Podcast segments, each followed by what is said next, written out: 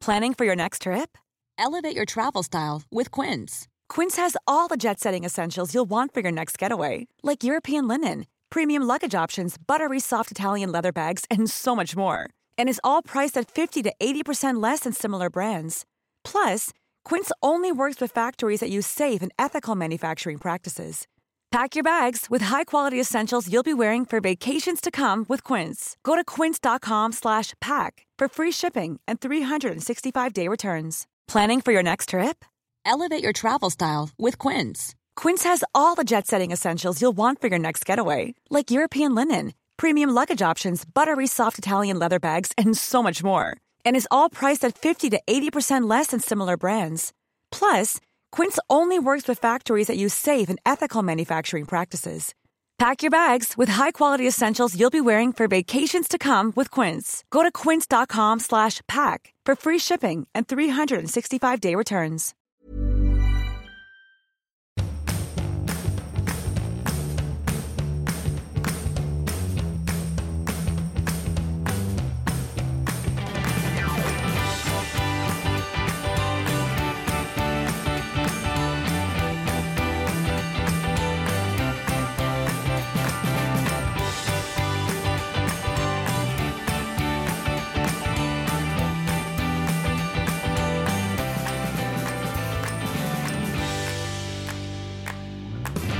Hörru, Hej och vä...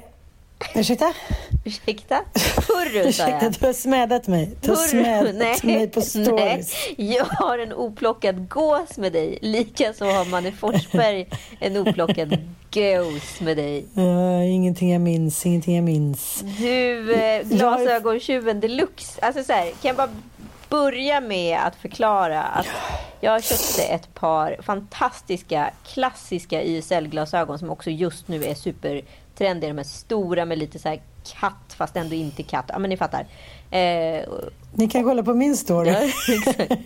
Och de, de lånade du ut, jag lånade ut dem till dig vid ett svagt tillfälle för att eh, du, bö, du skulle köra bil och vi hade varit på turné och eh, sen så... Länge sedan det här. Nej, det är två år sedan, men det är två år för mycket. Mm. Ja, och det så, jag vet också att allting jag ger till dig, det är sista gången jag ser, jag ser de, de, de prylarna. Liksom. Och det här var så här glasögon som inte fick försvinna. Jag hade liksom sparat de här, mint condition, ta, haft på mig dem. Jag, jag är ju rädd om mina grejer. Det beror ju på vilken inställning man har till saker och ting. Ann Söderlund är inte speciellt rädd om sina grejer. Eh, jag ser att hon behöver ha de här glasögonen för att hon kör och det är sol och det är inget bra. Så jag lånar ut mig vid ett svagt tillfälle.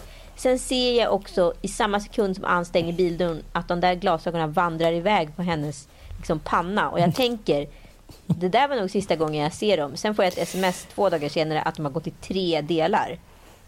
Vilket jag liksom inte ens förstår hur, liksom, hur är det möjligt? Och så lägger jag upp en story på det här för då hittar jag en bild på mig i de här glasögonen som var fyra år gammal.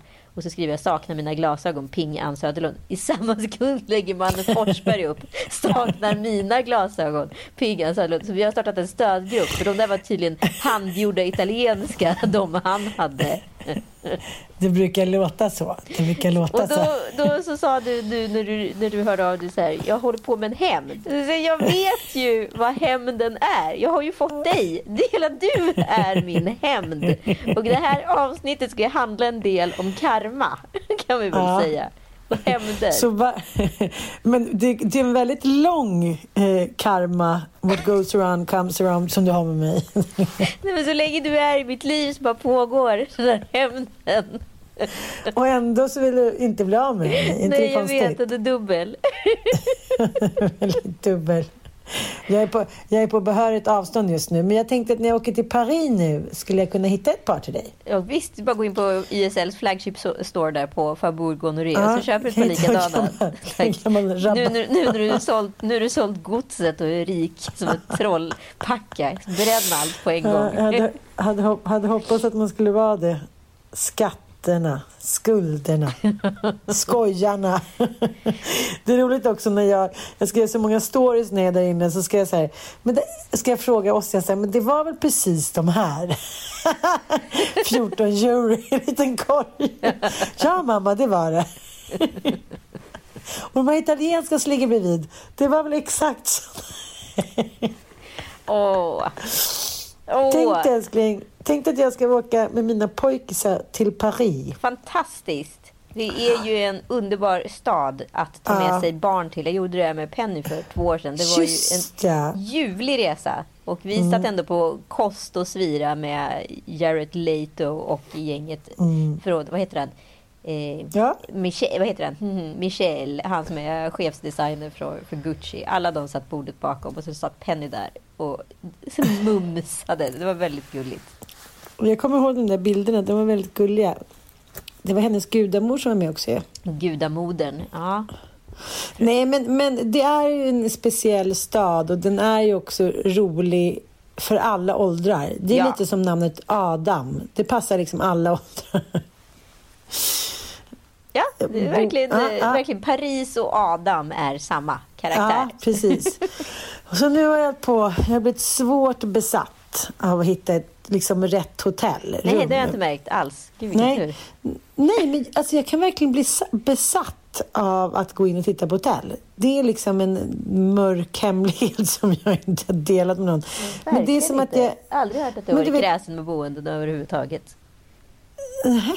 Eh, nej, men grejen är att det, det är knorrigt med Paris för att det är så här...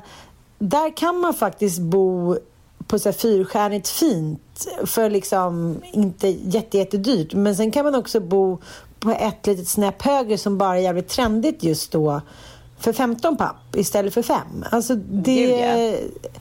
Det, det finns ingenting mittemellan känns det som och man har ingen aning för när man kollar på de olika bookingsajterna så är det liksom olika stjärnor, olika krumlurer eh, och det känns som att mycket är så här I really like this place, eh, yes, it's near, jag har ingen koll så Nej, jag men måste det är det som är faran. Alltså, kan man inte liksom Paris så kan man inte distrikten. Då kan man ju hamna Nej. i Tjotahejti och betala 4 000 natten. Eh, Ja, men- Glatt ovetandes för att det ser jävligt nice ut. Liksom. Eh, Mm. Sen kan man hamna i de bästa distrikten och betala liksom kanske 2 000 kronor natten. Och bo lite Mm. sämre men ändå ha sådär gångavståndsnära till allt. Nu har ni hamnat Mm. ungefär i mitten för nu ska ni bo i andra arrondissementet.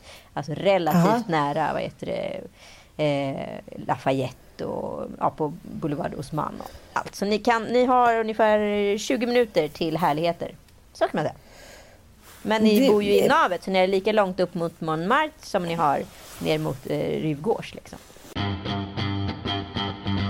Men nu har jag bara hamnat i ett litet dilemma. Från början var det ju bara jag och Ossian som skulle åka för att fira hans 18-årsdag. Ja, och han har ju blivit lovad den här resan i 300 år så nu är det väl dags. Ja, Den och har, det är den har liksom... haft många, många städer, den resan. Ja, den har på många ställen. Men det som hände var ju att som vanligt precis när det börjar närma sig så får jag ju känslor av skuld. Ja, men det Att är de andra du, inte är med. Det är ju som du Mm. alltid drabbas av. Och Jo, så blir det ju liksom en sån här hipp som happ-resa istället för att det blir bara en Ossian mamma-resa. Jag vet, men samtidigt kan jag känna lite så här, om vi ska vara helt ärliga, det är ju inte han som har lidit brist på mamma-son-resor och mamma-son-grejer. Nej, nej, han är ju din bortkle- mest bortklemade utav de där Ja, fem för att- snorungarna. Sa jag det där? Sa jag det där? Ja, det gjorde jag. Ja, men för att han också eh, liksom har tagit sig det. Han, det, är inte, det är inte så att han sitter tyst på sitt rum och spelar liksom PS4 utan han tar sig tar ju sin plats på gott och ont. Mm, absolut. Han tar ju väldigt Ah. mycket på gott och ont. Men så då helt plötsligt så skulle, det här har hänt mig så många gånger, precis innan jag ska åka, så dagen innan så blir jag så här, nej, en du- pöjk kan inte stanna kvar. Och sen så, ja. och där for bondmoran in i dig och alla skulle de med i vagna till Paris. jag vet. Men problemet är nu att från den här habila, typ ändå lite ekonomiska resan så har det här ju blivit ett fartmonster. Ja men det är det jag Alltså, säger. Du, du, kan Ja. inte, du kan ju inte hålla... Alltså det är det jag säger. Du har ätit upp konfekten innan den ens har hamnat på bordet. Liksom.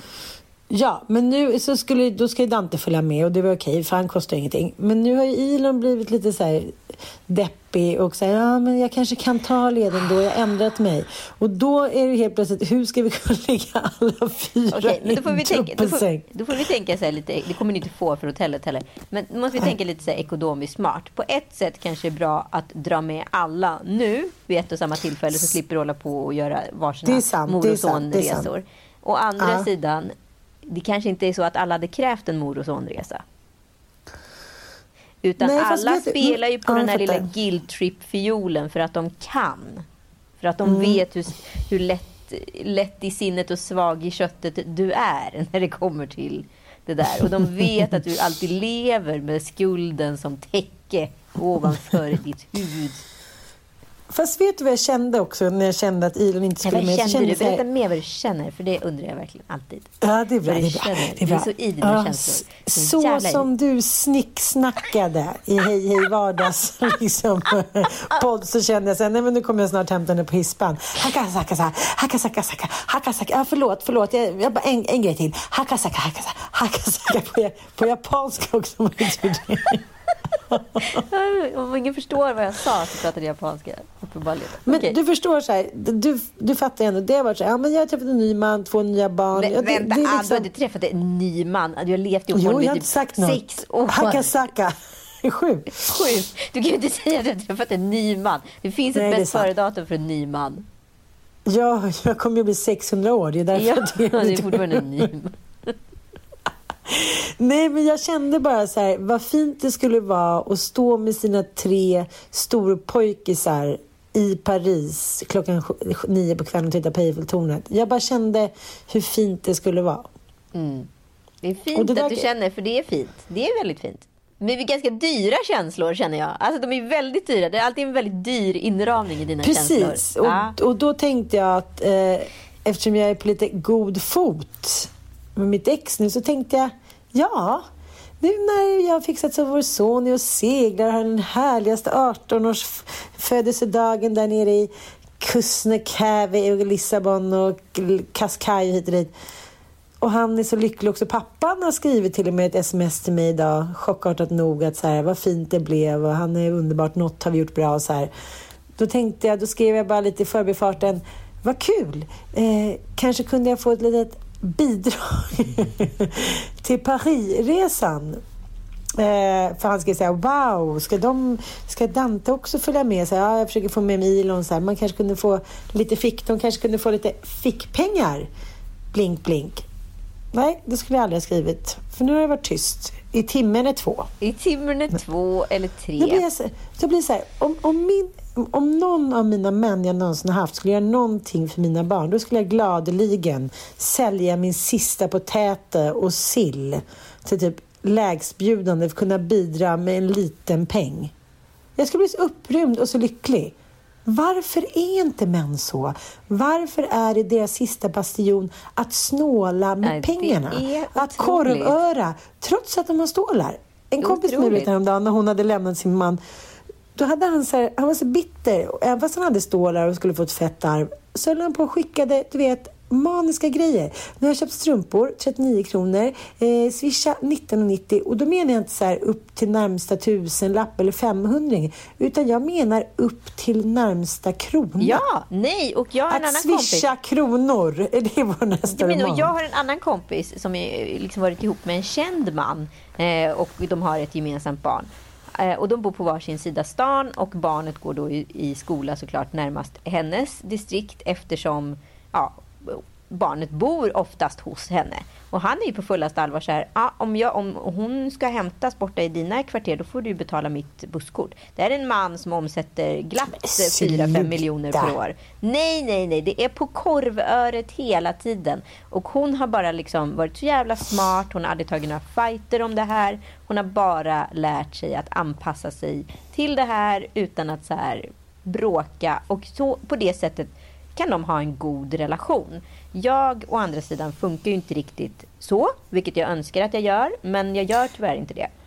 Ibland så gör jag det när jag försöker vara storsint och när Joel håller i mig hårt för att jag inte ska springa och bli, gå bärsärk.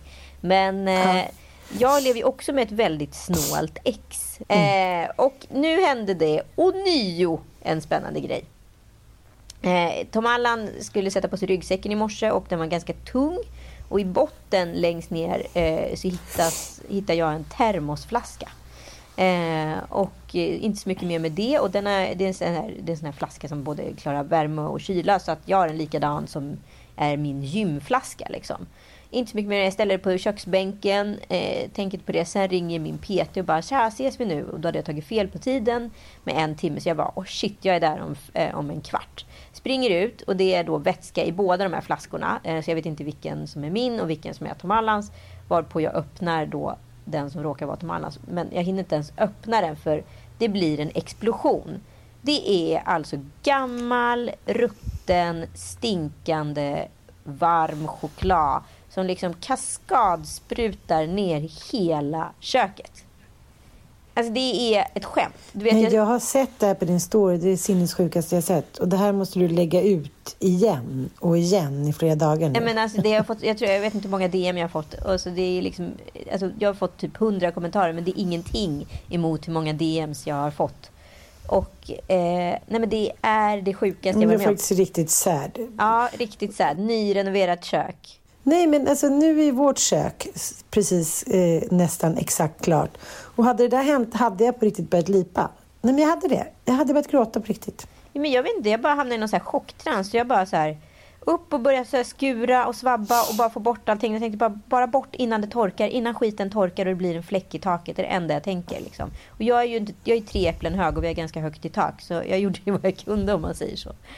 Eh. Ja, men jag kollade, men det där gjorde väl bara saker värre. Lite som när man ska säga, torka i, i så inkletat bajs. Ja men typ bara, ish. Ja. Liksom. Ja, men på väggen så gick det mm. bra att få bort. För att där, väggfärgen har ju någon yta.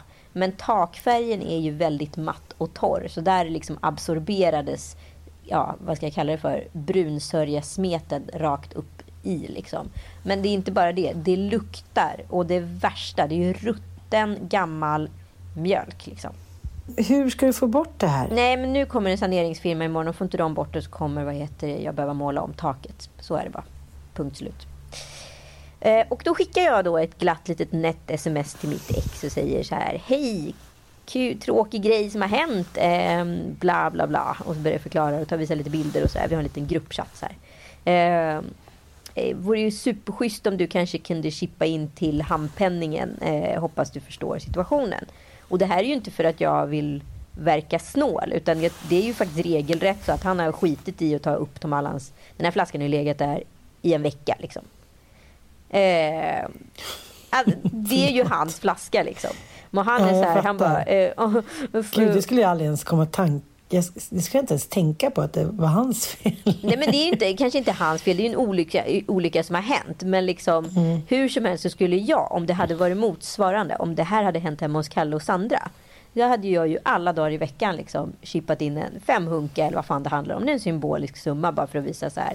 Hej, jag är en schysst eh, medspelare. Vi löser det här tillsammans. Såklart. Mm.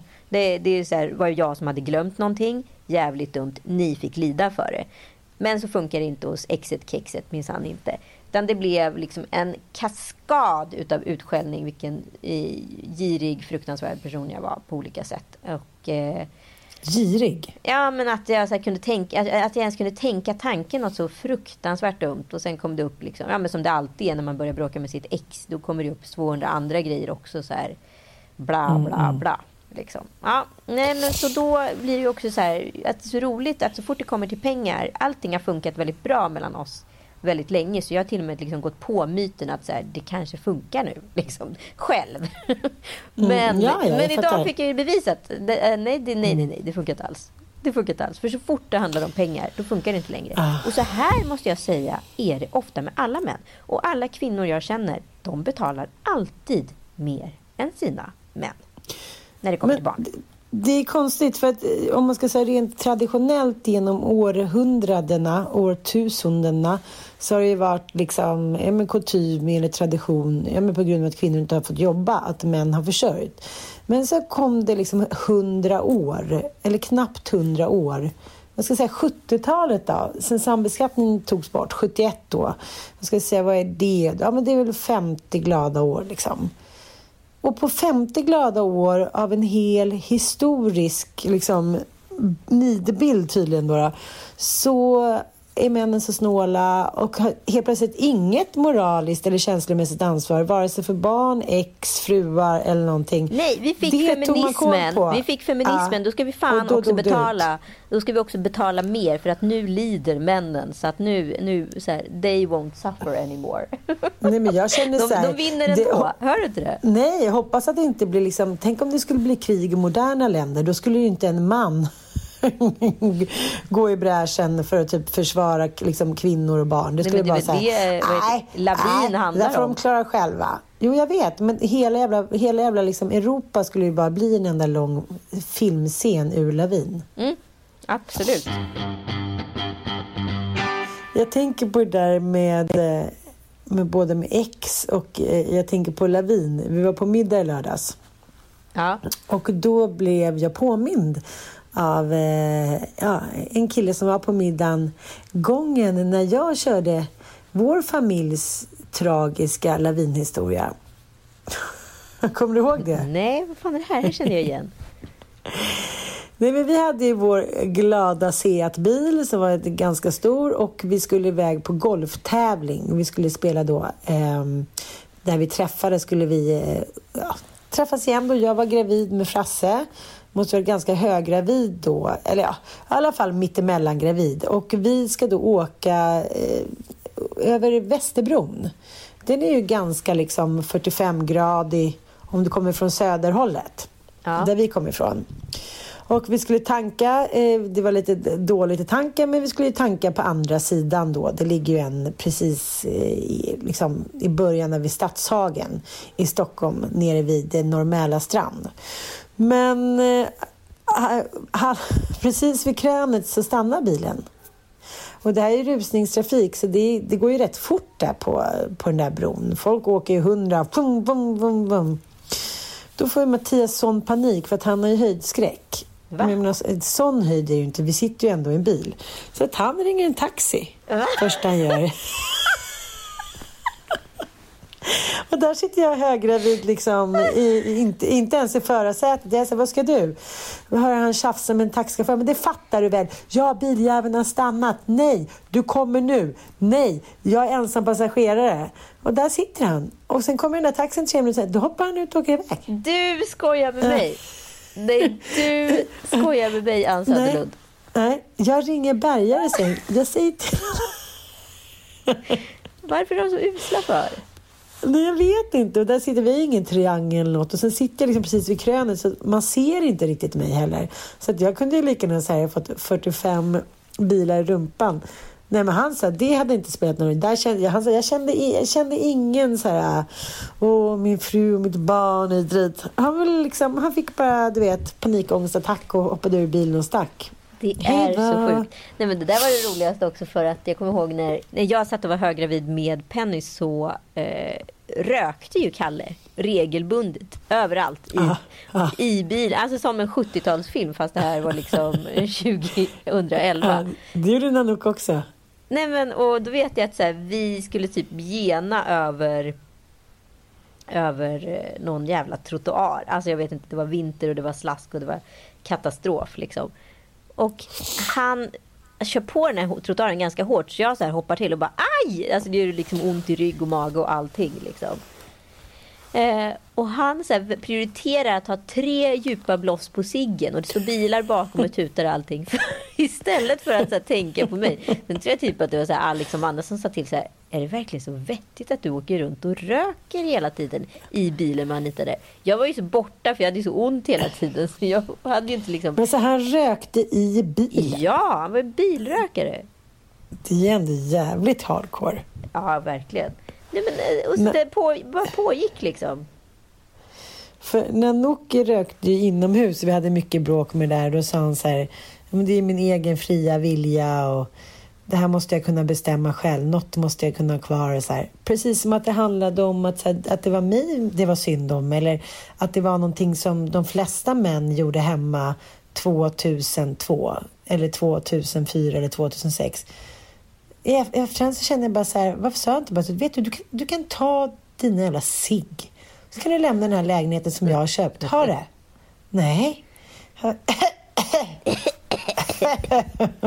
Jävla idioter. Ja, där Ja, fick men det vi till det. Mm, men det är också därför vi lämnar dem. Det är Ja. också därför till exempel Gert Fylking har blivit lämnad. Och nu går bananas på sin Insta. Ja, alltså jag är liksom... eh, Jag är fortfarande i någon form av traumachock. Det kanske var därför jag inte började gråta. När bajsbomben kom. Ja, för att du, hade redan, så här, du var redan mätt av Gert Fylkings Instagram. Ja men alltså det där, alltså, om ni inte har varit inne och tittat på, på Gert Fylkings Instagram så gör gärna det. Alltså verkligen, gör gärna det. Eller skit i det. Gör, gör, inte, gör inte precis innan ni ska äta, Nej. älska, jobba. Det finns väldigt Alltså, få finns- tillfällen. Kanske när ni sitter och skiter. Det var ju en som skrev till- på mig på stor Insta. Hur kan du lägga upp det där på din story om Gert Fylking? Det värsta jag har sett i hela mitt liv. Och det är ju så, det är ett helt fritt öppet Instagramkonto. Han, han är ju... Det här är så jävla intressant. Han är ju snus, snusgubben personifierad och har egentligen alltid Ja. varit det. Men när, när det liksom var Evert Ljusberg och eh, Margareta Kjellberg som stod och liksom drog Blondinen-vitsar eh, i Har du hört den förut på bästa sändningstid på SVT på 1980-talet så kändes ju Gert Fylking fisandes alfabetet i en rosa overall som rena Killinggänget. För så Ja, låg var humornivån. Och liksom, han kändes som så här, wow, spännande crazy gubbe i tokig overall. Det här känns jävligt eh, nytt. Jag vet inte hur jag ska relatera till det men det känns bara nytt. Och inte alls muggigt och dammigt som det var på, har du hört den förut, puben uppe i, i Sundsvall alls. Eh, men grunden är ju att det var ju 80-talet som var ett jävligt sunkigt, dåligt årtionde. Och Gert Fylking är ju verkligen en produkt av det årtiondet. Eh, hans Instagram är Ja, det är ett öppet sår, får man säga så? Utav Ja. en man i sina värsta år. Kan man också säga så? För det är ju verkligen att vara i sina, Sina värsta, sämsta. sina värsta och sämsta år. Plus 60, ensamstående, lite för, för försupen för sitt eget bästa. Men han måste ju vara plus 70 nu älskling. Jaha, Kom igen. plus 70. Ja, det, Ja. Han, har ju varit 60 annars i 60 Nej, men du år. måste ju Men- faktiskt googla upp hur gammal han är. Det här går ju inte. Ja. Vänta. Sen var det ju så att när, när branschen var lite skakig så den här radion, nya radiokanalen 74. hette. Ja. S- Ja, 74. Mm. Men han har ju aldrig varit fräsch. Han föddes ju i 60-årsåldern. Ja, alltså verkligen. Nej, men alltså, han har haft sina poänger. Han har gjort några roliga grejer. Han har alltid tagit sig in. Men man kan samma inte leva på en dag. poäng. Det är en one hit wonder för fan. Jo, jag fattar det, men det, det, det, det, är är det enda roliga han har gjort. kompis med Christer Pettersson. Han har ju för fan inte ens mördat Palme. Men han var ju också kompis, eh, det där är lite tragiskt tycker jag, när det har varit parhästar. Han var ju parhäst med Robban Aschberg ett tag. Ja. Sen menar inte jag att Robban Aschberg har blivit supermodern och eh, han är fortfarande liksom cowboy, lite manschauvinist hit och dit. Men han har ändå liksom gått i rätt riktning. Han gör det här nättrollen, han står på kvinnors sida på rätt sätt. Han är liksom en modern blandning av typ Jan Guillou och Rolf Lassgård. Han har på något sätt så här, ja, men hållit sig på rätt sida den styva linan. Kan man säga så? Absolut, det kan man. K- quote me. Det är en bra, det är en bra t-shirt. Oj, oj. Fortsätt, hylla dig själv. Jack säga, Fylking, quote- quote me, quote myself. Maybe I should be quoted. men, men när Gert Fylking har liksom bara ramlat rätt ner i typ någon form av... Han ramlar ner från styva linan. Ja, ja...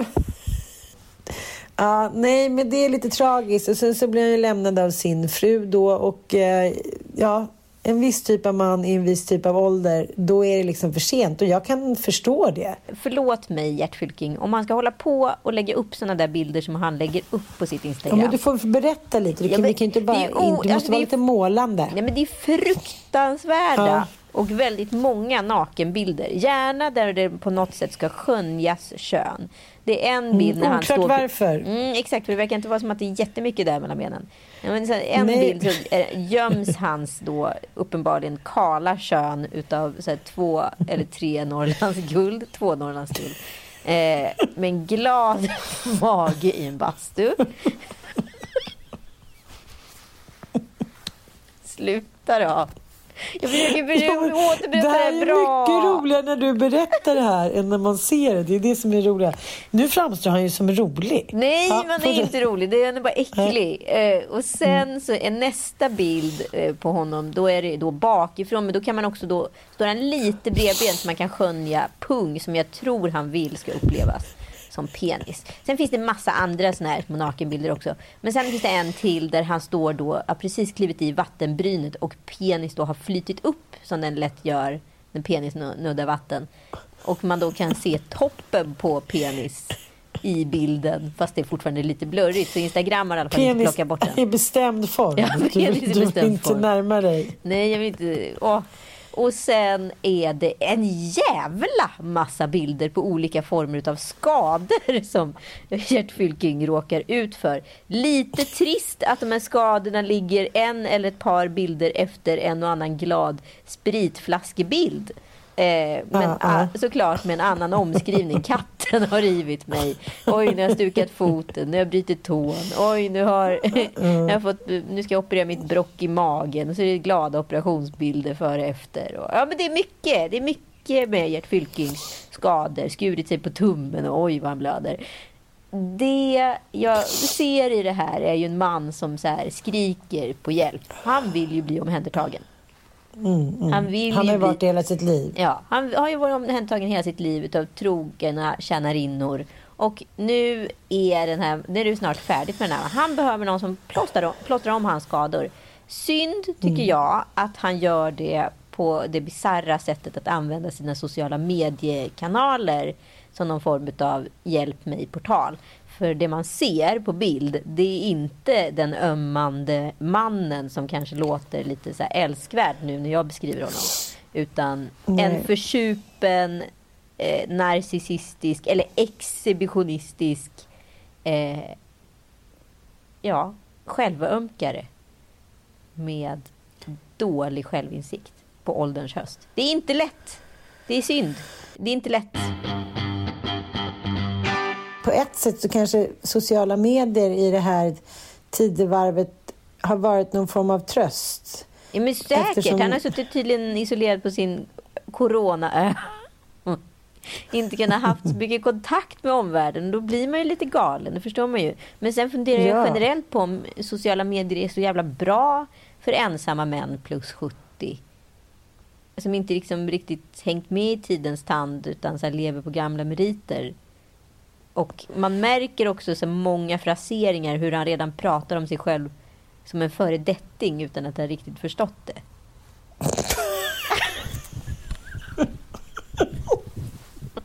Det brukar du säga om mig också. Det är jag och Gert. Det är en bild här som jag tycker är extra tragisk. När han står i randa kalsonger och ska göra så här som min farfar gjorde på typ 60-talet. Stå i kalsonger och göra så här muskel... Alltså att man... Vad säger man? Man, man spänner muskeln så, som ett monster. Tänkte att en riktig trosvätare var på sin plats. Och sen är det ju hela tiden... Det är alltid Eh, en sexuell anspelning. På, ganska Precis. sexuell anspelning. Och han har inte förstått att han ska ha... Han, han gör ett, ett tecken på allting. Alla som bryr sig, alla andra också. Han har inte förstått hashtaggen. Han gör ett. Ja, alla som Kan bryr ingen sig, på andra också. radiostationen säga åt honom att sluta äta allt? Och sen är det liksom nästa bild, då står han med någon eh, pickadoll, med något gevär. Och sen är det plåster upp i näsan och sen är det mycket bärsa. Nej, nej. och sen är det båt. Och sen är det någon mossbit. Där gick botten ur fågelholken. Alla som bryr sig, alla andra också. Nu får du sluta läsa direkt live-rapportering från Gert Fylkings Ja. Instagram för ingen förstår. Små sår och fattiga föräldrar ska man inte förakta. Det är, hans, det är mitt sista om Gert Fylking. Nej, men alltså vi, eh, vi kanske ska göra en insamling.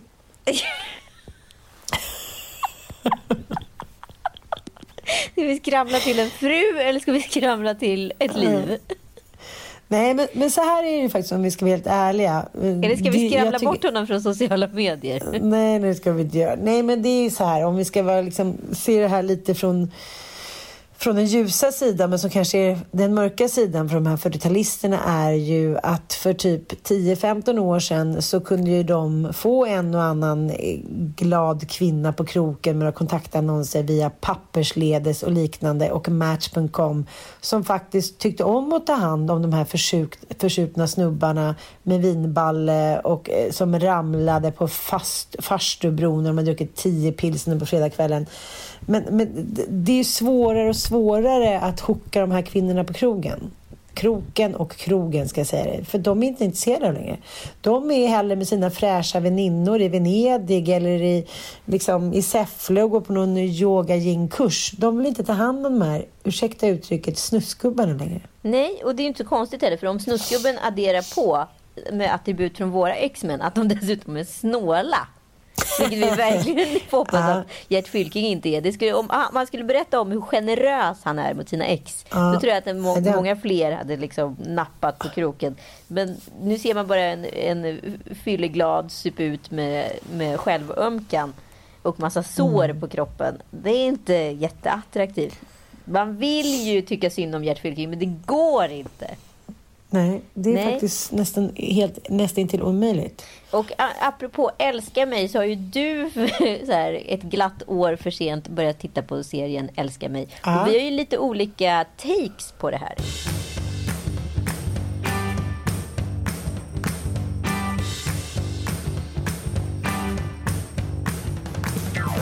Nej, men, eh, svinbra manus, svinbra skådespeleri, men så börjar jag känna så här, men gud, varför? Nu har jag inte sett så många avsnitt, men jag tror att jag har, antingen har jag en förträngningsmekanism i mig, eller också så har jag liksom inte tagit kärlek och relationer på särskilt stort allvar. Jag känner liksom inte igen mig. Brukade det vara så där komplicerat? Alltså jag tycker ju att det var komplicerat när jag är i relationer, aldrig när jag inte har varit i relationer. Förstår du vad jag vill komma? Ja, ja men alltså ja, Är det exakt. så där du folk sing- har du, det? ja, Men för grejen är, problemet med dig Ann Söderlund, det är att du, när du borde vara singel, då är du ihop med någon. Så du tar ju Ja. du ut trätet där. Ja, Jag, jag du jag menar. förstår liksom eh, Josefin Bornebuschs karaktär väldigt mycket bättre för att eh, Ja, för det är det enda man funderar på i en ny kärleksfas när saker och ting inte är uttalat. Vad vill han? Vem är han? Och så vidare. Och varför ser han på saker och ting på det här sättet? Och hur ska jag förhålla mig till honom? Jag känner jättemycket igen mig i liksom hennes resonemang. Att man så här, Då är jag redan på smällen. ja då är du redan knocked up och måste börja Ja, boa. det måste ju bero liksom. på det att jag hinner liksom aldrig gå i den där nu ska jag tänka hela tiden-frasen. Jag har inte gjort det i vuxen ålder. Och hur tycker du det har gått för dig? Ja, det blir jag, det är jag och Gert. Nej, men det, det, jag, liksom, det bara blir som en liten aha-upplevelse det här med att man ska dejta och man tror aldrig att man ska träffa någon. Och, jag tror alltid att jag ska träffa någon. Alltså, det är ju så jävla gött att vara Ann Söderlund. Alltså det är ju på riktigt det. Jag, alltså, du är ju en bra singel. För mig är det ju liksom ett, alltså ett under att du inte varit en nöjd singel. Utan du måste gå liksom och bli gravid med första bästa liksom, fling. Men jag har ju varit en nöjd singel, men det har ju inte hjälpt mot graviditeterna. Nej. Eller Nej. kondom? Nej, nej, vi Ja. jobbar inte så. Nej, men nej. nej, uppenbarligen inte. Hade, hade fem har barn senare Gert. kanske varit till alltså, två. där är man inte på. Nej, men jag håller med dig. Jag, jag har faktiskt tänkt lite på det. Varför har jag inte varit, nu måste jag viska lite så ingen hör. Men varför har inte jag varit mer singel? Jag är en jätterolig singel och jag skulle trivs jättebra med det. Ja, men jag skulle ju inte kunna tänka mig en bättre singel. Plus som du säger, så här, jag är ju en skitbra singel. Och jag, äl- jag älskar, alltså så här, alla älskar mig per definition. Under tiden när man Mm. själv är singel går ju jag runt och känner så här, varför tycker ingen om mig? Är jag hopplös? Varför är jag så för på, för av? För passiv. Mm. Jag försöker hela tiden hitta mitt ID i mig själv. För när jag inte har någon spegling, då får jag panik. Men du verkar ju Mm. vara så jävla nöjd i dig själv. Vilket är en av de stora orsakerna till varför att jag älskar dig. För att du är ju såhär, ja... Du är, ju- du är ju som Evert Ljusberg i, i vad heter det, har du hört den förut, som kvinna. Du bara är Ja. härlig. Du bara är härlig. Fast det är klart att jag inte alltid, jag inte alltid tycker det. Det fattar ju du också. Nej men, tre, det- två det glas vin det- in så är du ju oövervinnerlig. Nej, men fast, fast det, det mesta, om jag ska vara ärlig, så handlar det inte så mycket om att jag inte trivs så mycket med mig själv som persona, utan det är nästan alltid relaterat till mina barn. Att det är någonting som jag känner skuld.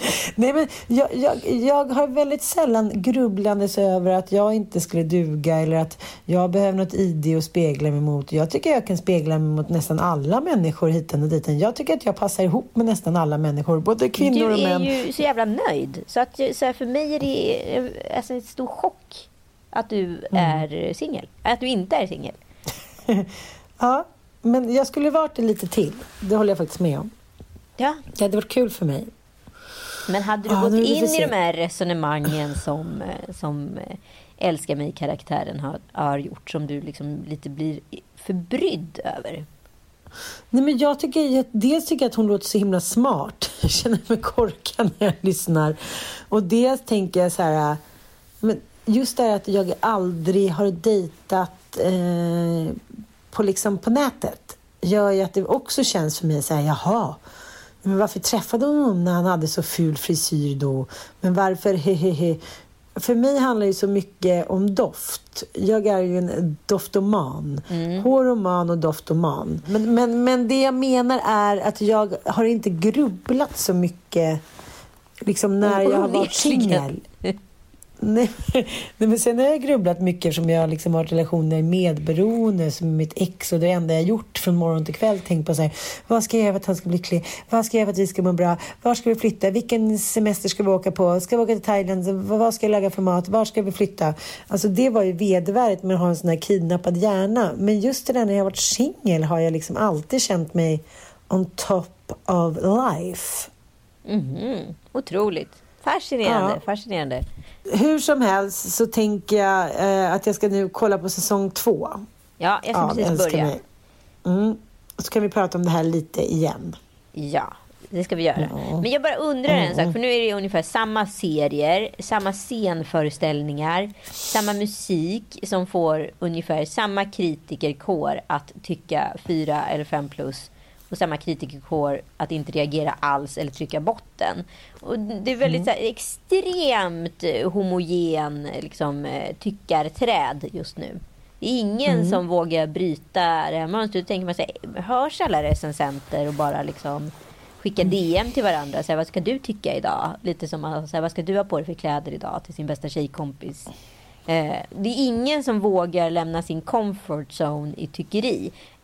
Är det så? Eller är det så att det är väldigt mycket superbra eller superdåligt som produceras? Är det lätt att tycka idag eller är det svårt att tycka idag?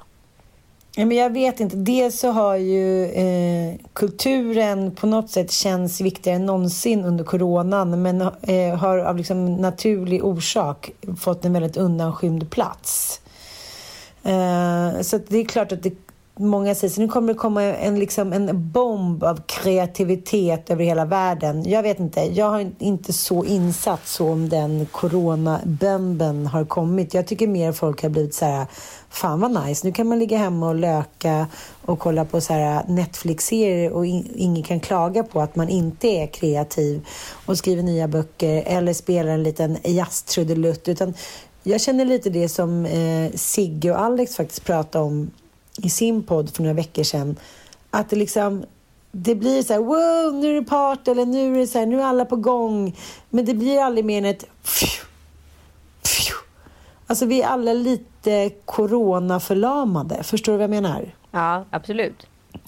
Och det kan jag tänka mig att det även kan påverka så här recensenter och dit. Det, finns ju inte, det har ju inte funnits så många Eh, liksom, det har inte funnits några livekonserter, det har inte varit några teatrar att prata om. Så det som har varit har väl egentligen varit recensioner av det litterära. jag vet inte om, om, eh, om folk är liksom lite inkapslade i det här med corona, nyhetsflöde hit och dit. Att det är så här, ingen vågar riktigt ta steget utanför. Den enda som egentligen har ryat ifrån och ifrågasatt den här unisona hyllningen till olika böcker, det är ju faktiskt Åsa Bäckman. Nu låter det som att vi bara läser en enda jävla tidning och det kanske vi gör. Men eh, hon skriver då den här Lydia Sandgrens samlade verk. Mm. Som den heter, som är då en eh, succédebut som då har eh, hyllats av en enig svensk kritikerkår. Och det har ju då sjungits en lovsång eh, som har varit liksom helt makaber. Det har liksom aldrig varit något liknande eh, i svensk kritikerkår. Och då Åsa Bäckman så här... Ja, men hon, hon, undrar då varför, var kommer alla de här superlativen från? Den här boken är inte så bra. Oj! Ja. Modigt. Hon säger så här, alla tycks läsa och älska den här debutromanen. När jag kommer tillbaka till redaktionen pratas det om den mellan skrivborden och febras om den på digitalmöten. Och gud vilket bra ord, febras. febras. Ja, och sen så skriver hon då en massa olika citat ur då, recensioner. Då skriver hon, jag hade verkligen velat ställa, stämma in i hyllningskören. Men eh, ja, den, är, den är bra skriven med driv och tempo och så här. Men det är inte en roman som förtjänar krit, kritikens sprakade superlativer och genanta övertolkningar. Nej men åh oh gud vad, spänn vad spännande för mm. att eh, det är ju, vi pratade ju om det för ganska länge sedan i den här podden hur, hur vokabulären har också förskjutits. Att fantastiskt mm. eller jag älskar dig, det var ganska stora ord liksom när vi var små. Men idag är det mm. någonting man slänger in i var och varannan mening. Otroligt, magiskt, fantastiskt. Alltså det är super, mm. superlativ. Så hur mm. är det då så att man kanske egentligen bara tycker att det är förlåt, en, en trea fast orden gör det till en fyra? Jag fattar. För, för de använder ju ord som då de är fulla av beundran och dramaturgisk konststycke och gnistrande debutroman och en kärleksförklaring till litteraturen. Alltså gnistrande för mig, då snackar vi om liksom Dostojevskij. Då snackar vi om så här, ja, en sån klass. Klassiker. Så att, då är det klassikernas ja, klassiker. Liksom. Så att Strindberg vrider sig i sin grav. Och, eh, men sen finns det såklart en rädsla, tror jag, när allting, när allting kanske är lite ja, inte så mycket sticker ut så kommer någonting som någon då kritiker börjar hylla och då hakar alla på. Alla blir förblindade liksom. Jo, men är inte det eh. snarare mer om så här, vi borde ifrågasätta generationen ängslan som är den här mm. ganska grov och den ser ju vi väldigt tydligt. Vi har ju pratat om det på sociala medier, olika så här kluster av ängslan inom just kultursfären som så här hänger tillsammans. Det, liksom, det är liksom en mixad klick utav allt från författare, tv-män, recensenter, kåsörer, musiker, poeter och, och skådespelare som alltid liksom som ett sammelsurium liksom springer mellan varandras liksom bord eller gäng eller vad jag ska kalla det för. Och när, ah, då går det ju inte heller att vara en ren recensent. Alltså om man nu ska vara lika trubbig som Marcus Larsson då kan man ju inte vara bästis med med liksom eh, Bob Dylan. Förstår du? Det går inte liksom. Jo, men jag tycker att det är ganska roligt. Eh, jag vet inte om vi har pratat om det någon gång, men the bandwagon-effekten. Ja. liksom, som handlar om att följa eh, majoriteten då. Ja. ja men som man säger, ja, men, det fanns en, en snubbe som heter Facundo Cabral som sa en gång, vi borde äta gräs, miljoner kor kan inte ha fel han menar liksom att man, han refererar då till den här ironin att, så här, att många följer då majoriteten utan att tänka kritiskt. Mm. Och det är kanske också det när man inte mötes in RL, in real life, att om en då börjar hylla någonting så kan man inte vibba av den andra. Det som du och jag brukar prata om, att du blir ängslig när du inte kan spegla dig. Då börjar du söka ditt ID, relations-ID. Mm. Och det är såklart att det översätts även till så kallade recensenter, hur begåvade de än är. Jo men alltså ängslan är, ängslan är det största hotet i vår mänsklig, mänsklighet just nu. Liksom. Alltså så är det ju. Mm. Det är ju, det är ju summerat. Sen kan man ju ängsla ut genom att res, resonera runt saker och ting. Men, men fortfarande ängslan har ju en stor drivkraft om du inte har en spegling. Och springer du runt då i ett sammanhang där du helt plötsligt börjar spegla dig i andra för att nå egen framgång. Då kommer du ju aldrig hitta det där Ann Söderlund-coret i ditt, vad ska jag kalla för, recensionssingelskap. Eh, för att du måste ju hela tiden tänka att så här, ah, men nu var jag på middag med den här personen, hon är kompis med honom och han är ju bästis med den. Ah, jag kan ju inte skriva ner eh, henne för att då kommer ju min kompis bli skitsur på mig. Alltså i den här sfären så blir det svårt att, att skriva ner. Ja, men jag tycker ändå att det är väldigt spännande. Är inte det ett jobb som kritiker att man måste stå, stå mot liksom, eh, lockelsen av ljuset? Förstår du vad jag menar? Det är väl alla, liksom, om du ska vara en ren recensent så kan du ju inte springa på samma party som folk du recenserar för då kommer du inte kunna säga objektiva saker om dem. Nej, men om du till exempel tar politiken så är det eh, ett lysande exempel på att så här, om, om någon kommer ut, det har varit en ny gallup som säger så här, ja men Stefan Löfven leder, eller den och den, amerikanska, så här, ja men den används ju flitigt, den här så kallade bandwagon effect, att så här, man vet inte vad som är rätt och fel eller om någonting är sant, men man litar på att det är sant för att alla andra tror det.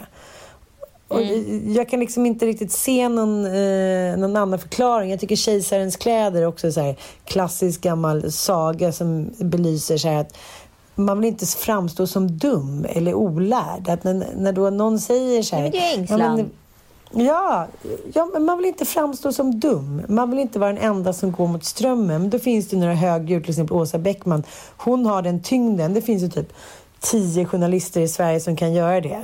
Och det är jävligt härligt när de gör det tycker jag. Ja, och de borde göra det lite jävla oftare. För att så här, när, ja. de där, när de där ändå rosslar till och liksom uppenbarligen markerar att så här, nu räcker det. Då blir mm. ändå folk ganska spaka.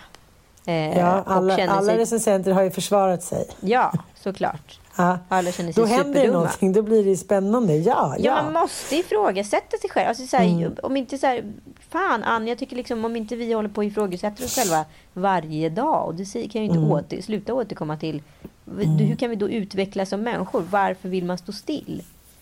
Nej, jag fattar inte heller det. Men många människor är ju rädda och står därför still och sen så dör de utan egentligen ha uträttat eller liksom ifrågasatt någonting. Men det tycker jag i och för sig är väldigt spännande med Åsa Lindeborgs bok. Den pratade jag och Sanna om i vår podd. Och Sanna tyckte den boken var fantastisk och jag hade tusen frågeställningar kring den boken. Och så har ju egentligen kritiken kring den boken varit. Att så här, Många har tyckt så här, men det, det, det, är inte ett försvarstal, hon försöker bara förklara sig. Många tycker så här, men vad fan var du under metoo?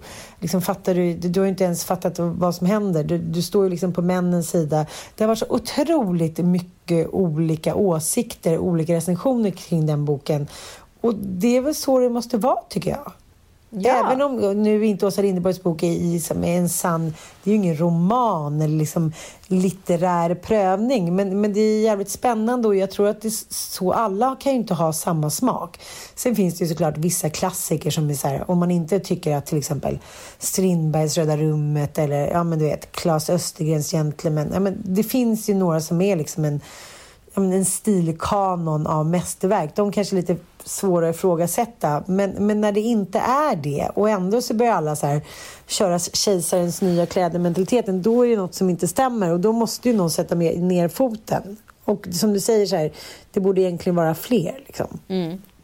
Nej, men jag tycker det är så mm. intressant att det är så extremt homogent just nu. Och så bara tänka på om så här, är alla kritiker i Sverige just nu mellan 30 och 40? Och är alla på något mm, sätt kopplade till varandra eller kopplade till någon de antingen hyllar eller sänker. Eller vill mm. vara kompis med någon utav dem de hyllar mm. och sänker. För det är ju en, mm. det är en väldigt vanlig effekt. Och det har vi verkligen sett eh, liksom, bevis på inom just sociala medieköp. Det är väldigt många liksom, un, idag är det liksom, kanske en Margareta då, som är kommunikationschef för ett stort företag. Och då har hon anställt eh, Pernilla som är marknadschef. Och sen har då Pernilla i sin tur anställt en Maria som är eh, eh, social mediechef. För hon är ju 22 år och ung och glad. Eh, och Marias driver det här. Hon tycker det är råcoolt jobb. Plus ett sitter hon på en ganska fet budget med väldigt mycket. Två så får hon hänga med jävligt mycket coola människor om hon köper dem. Och då blir det ofta liksom att man väljer folk utifrån vem man själv egentligen kanske skulle vilja hänga med snarare än att här, se till vad man uträttar för sitt, eh, för sitt arbete. Liksom.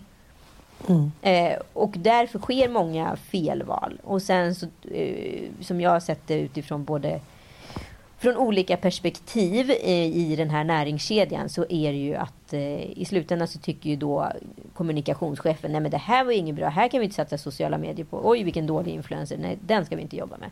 Istället för att se till att det kanske var ett felprioritering internt ifrån.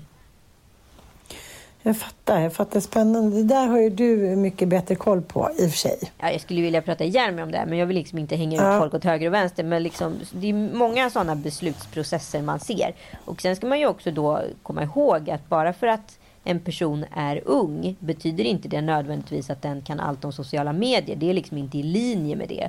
Precis som någon som är 30 år vet exakt vilka poddar man ska lyssna på etc. Liksom.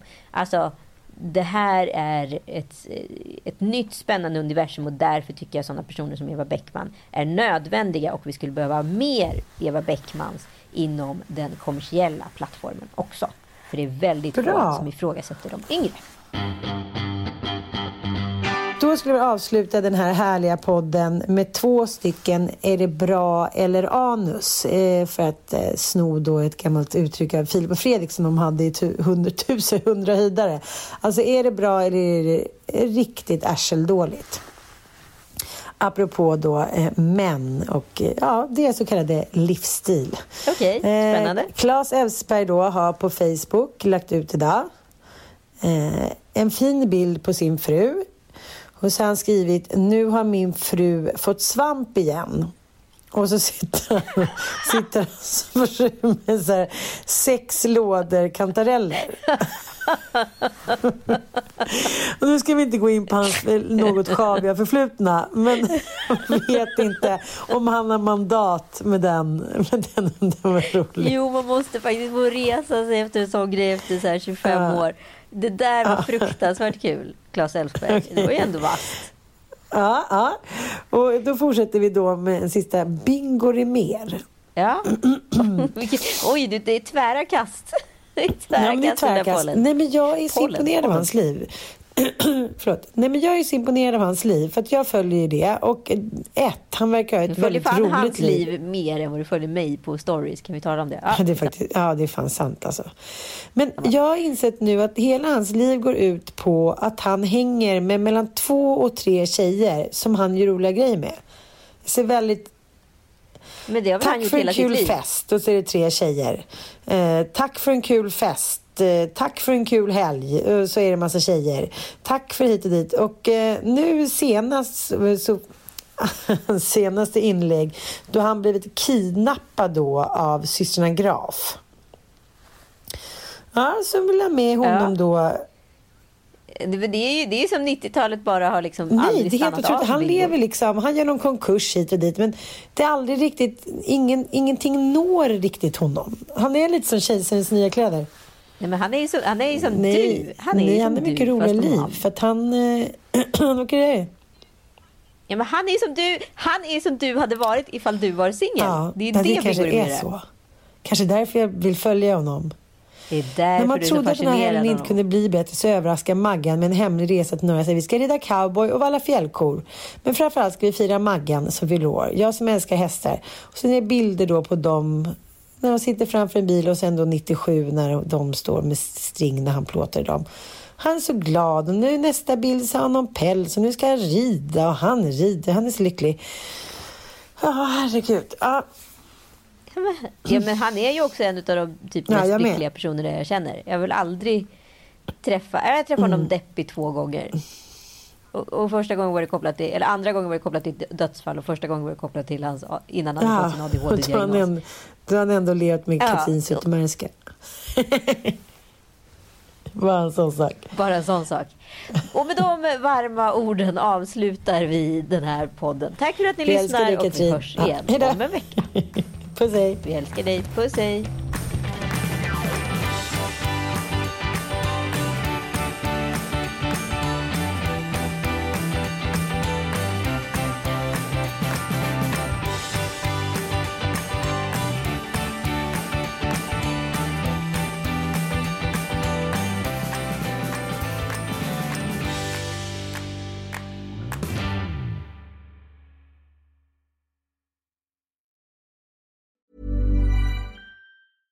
Want flexibility? Take yoga. Want flexibility with your health insurance? Check out United Healthcare Insurance Plans. Underwritten by Golden Rule Insurance Company, they offer flexible, budget friendly medical, dental, and vision coverage that may be right for you. More at uh1.com. Hi, I'm Daniel, founder of Pretty Litter. Did you know cats tend to hide symptoms of sickness and pain? I learned this the hard way after losing my cat, Gingy. So I created Pretty Litter, a health monitoring litter that helps detect early signs of illness by changing colors, saving you money and potentially your cat's life. Pretty Litter is veterinarian developed, and it's the easiest way to keep tabs on your fur baby's health right at home. Go to prettylitter.com and use code ACAST for 20% off your first order and a free cat toy. Terms and conditions apply. See site for details.